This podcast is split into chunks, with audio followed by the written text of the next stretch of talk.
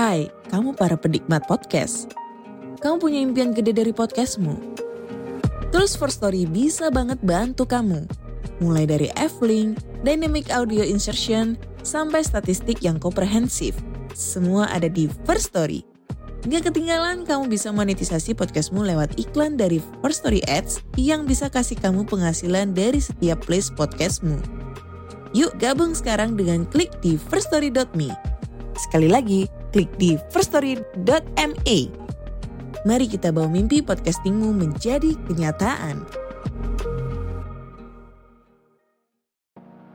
Podcast ini bekerja sama dengan First Story. Kalau kalian belum pernah dengar First Story, ini adalah platform palu gada baru yang paling keren dan memiliki fitur yang lengkap.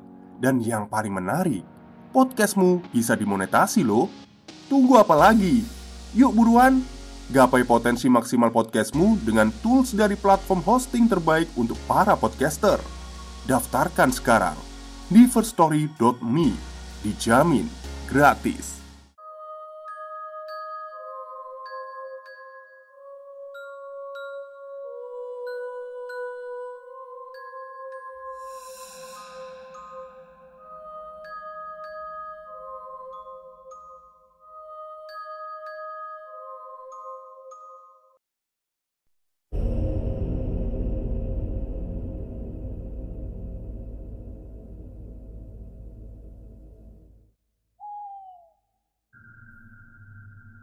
Assalamualaikum warahmatullahi wabarakatuh. Halo semuanya, jumpa lagi dengan saya Chow Sing Sing Kurator dari podcast Horror Night Story. Halo apa kabar semuanya?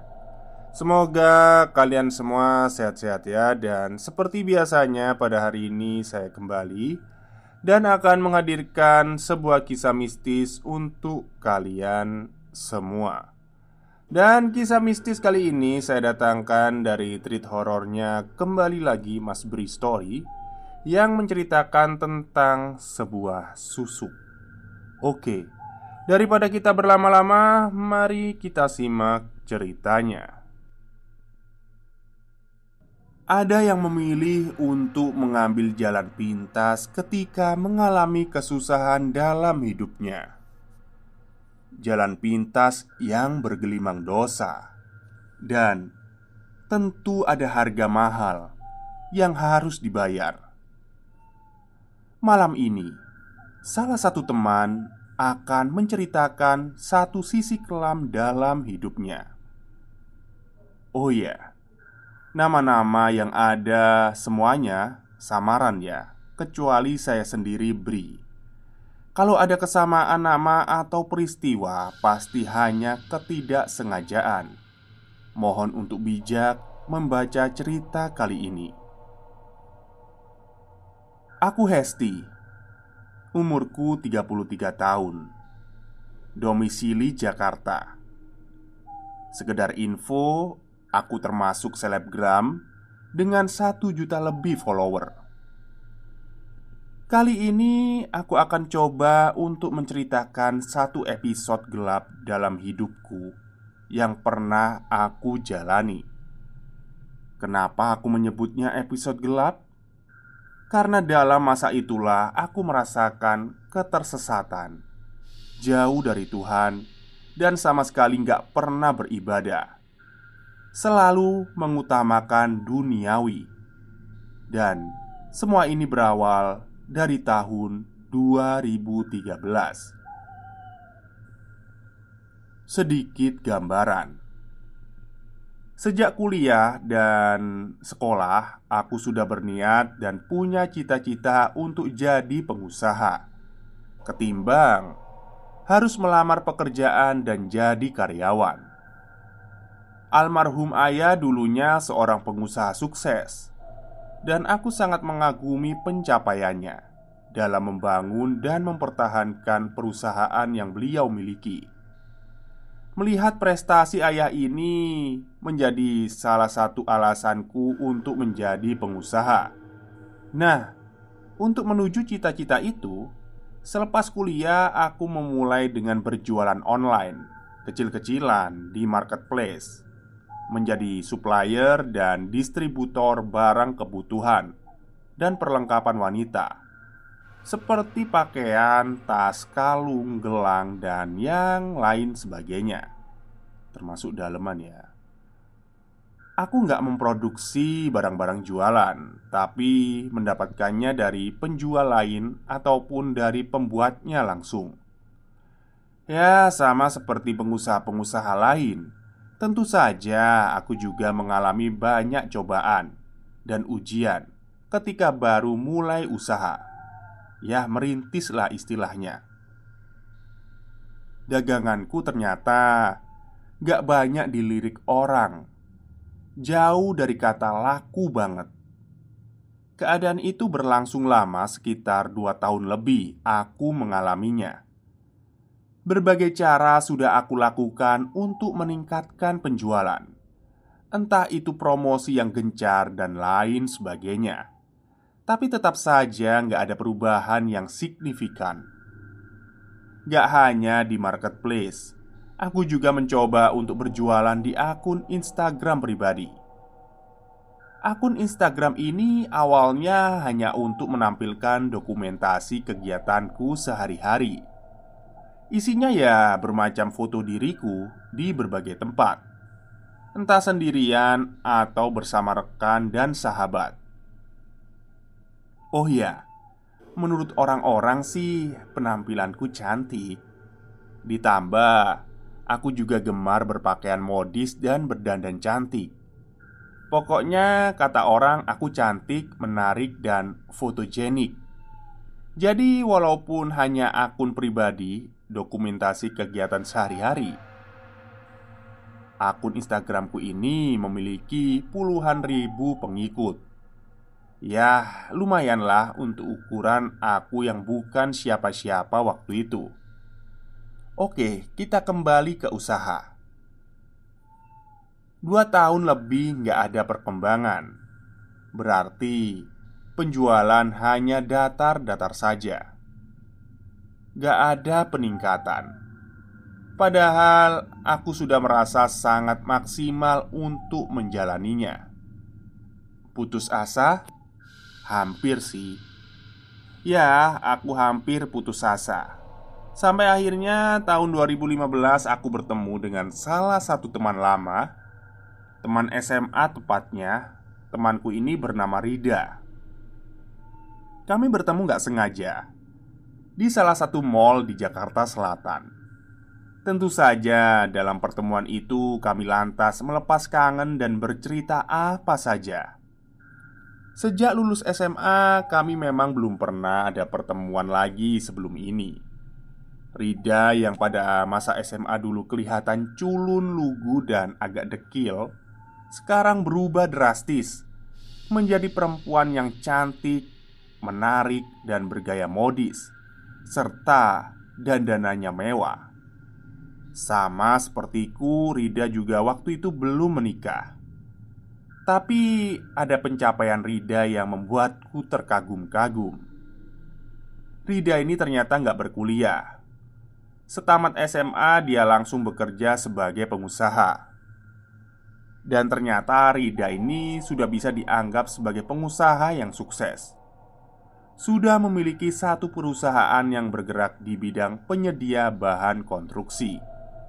Sudah banyak proyek besar yang ia tangani.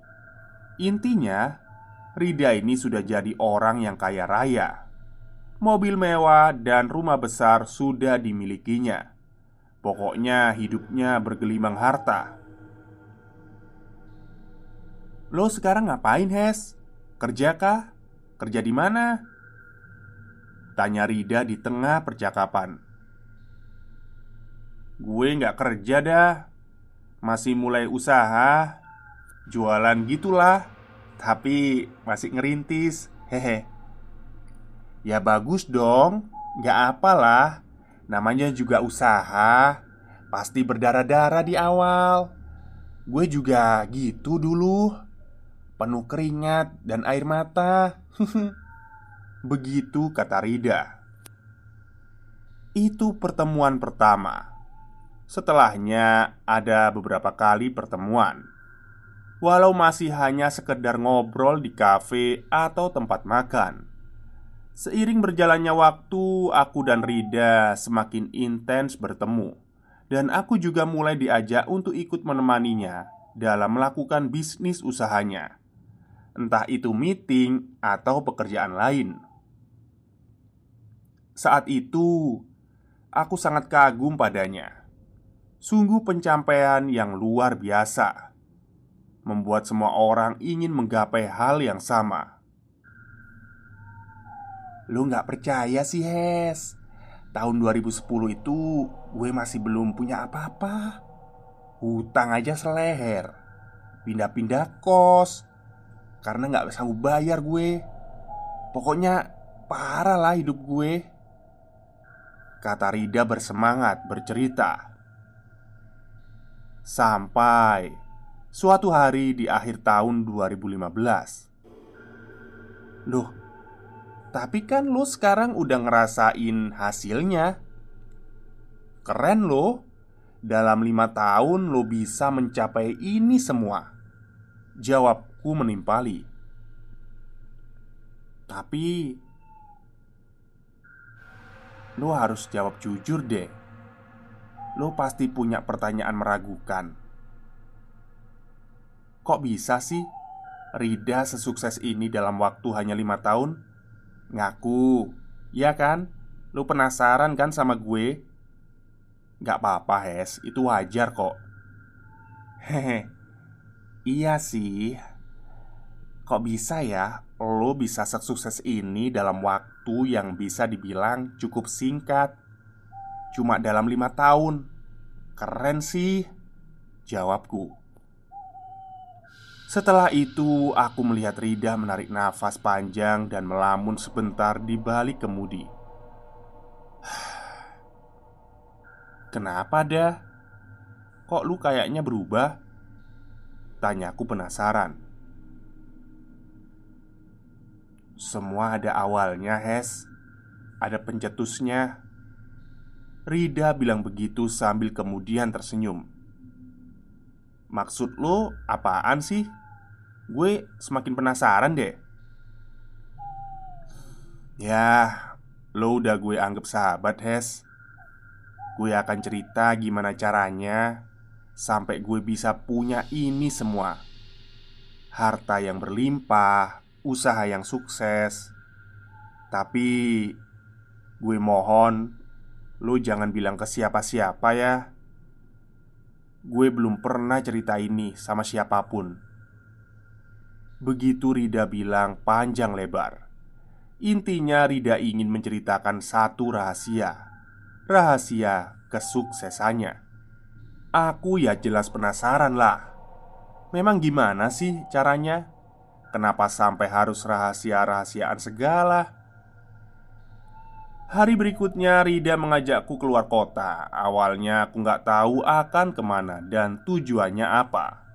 Aku ya ikut saja Udah, lo ikut aja, jangan nanya-nanya. Gue mau nunjukin satu tempat. Kata Rida bilang begitu.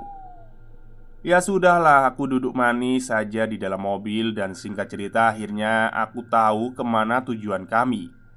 Yaitu ke satu tempat wilayah Banten Agak pedalaman 5 jam perjalanan dari Jakarta Sekitar jam 2 siang kami sampai di tujuan dan Rida memarkirkan kendaraannya di depan rumah besar dengan halaman luas. Sebelumnya kami harus melewati jalan tanah dengan kanan kiri persawahan dan hutan kecil. Cukup pedalaman menurutku. Ini rumahnya siapa dah? Tanyaku. Udah, keluar dulu yuk Jawab Rida mengajakku turun dari mobil. Di luar aku mengamati sekitar. Kalau diperhatikan rumah ini adalah rumah yang paling besar Yang ada di desa. Maksudnya di desa ini ya. Eh, Neng Rida Akhirnya datang lagi. Udah lama banget ya Neng. Hehehe Seorang bapak-bapak keluar dari dalam rumah Menyambut kedatangan kami Rida langsung memperkenalkanku Sebut saja namanya Pak Ruhyat nama sang pemilik rumah besar ini. Beliau ini berperawakan kurus tinggi, berpakaian serba hitam. Kumis tebal menghiasi wajah yang memiliki sorot mata cukup tajam. Aku sendiri agak ngeri melihatnya. Cukup seram. Lalu kami dipersilakan masuk ke ruang tamu yang besar yang dipenuhi perabotan mewah. Kemudian kami berbincang. Saat itu aku hanya jadi pendengar pemerhati, hanya menanggapi sesekali saja. Rida yang lebih banyak berbincang dengan Pak Ruhiat.